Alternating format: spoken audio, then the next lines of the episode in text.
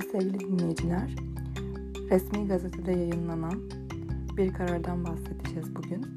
20 Mart 2021 tarihinde yayınlanan Cumhurbaşkanı kararını bildiriyoruz. Karar sayısı 3718.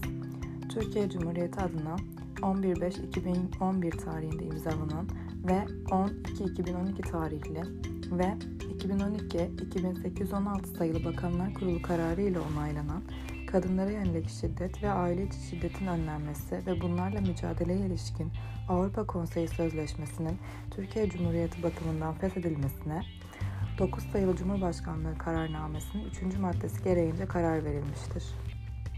19 Mart 2021 Recep Tayyip Erdoğan Dinlediğiniz için teşekkür ederiz.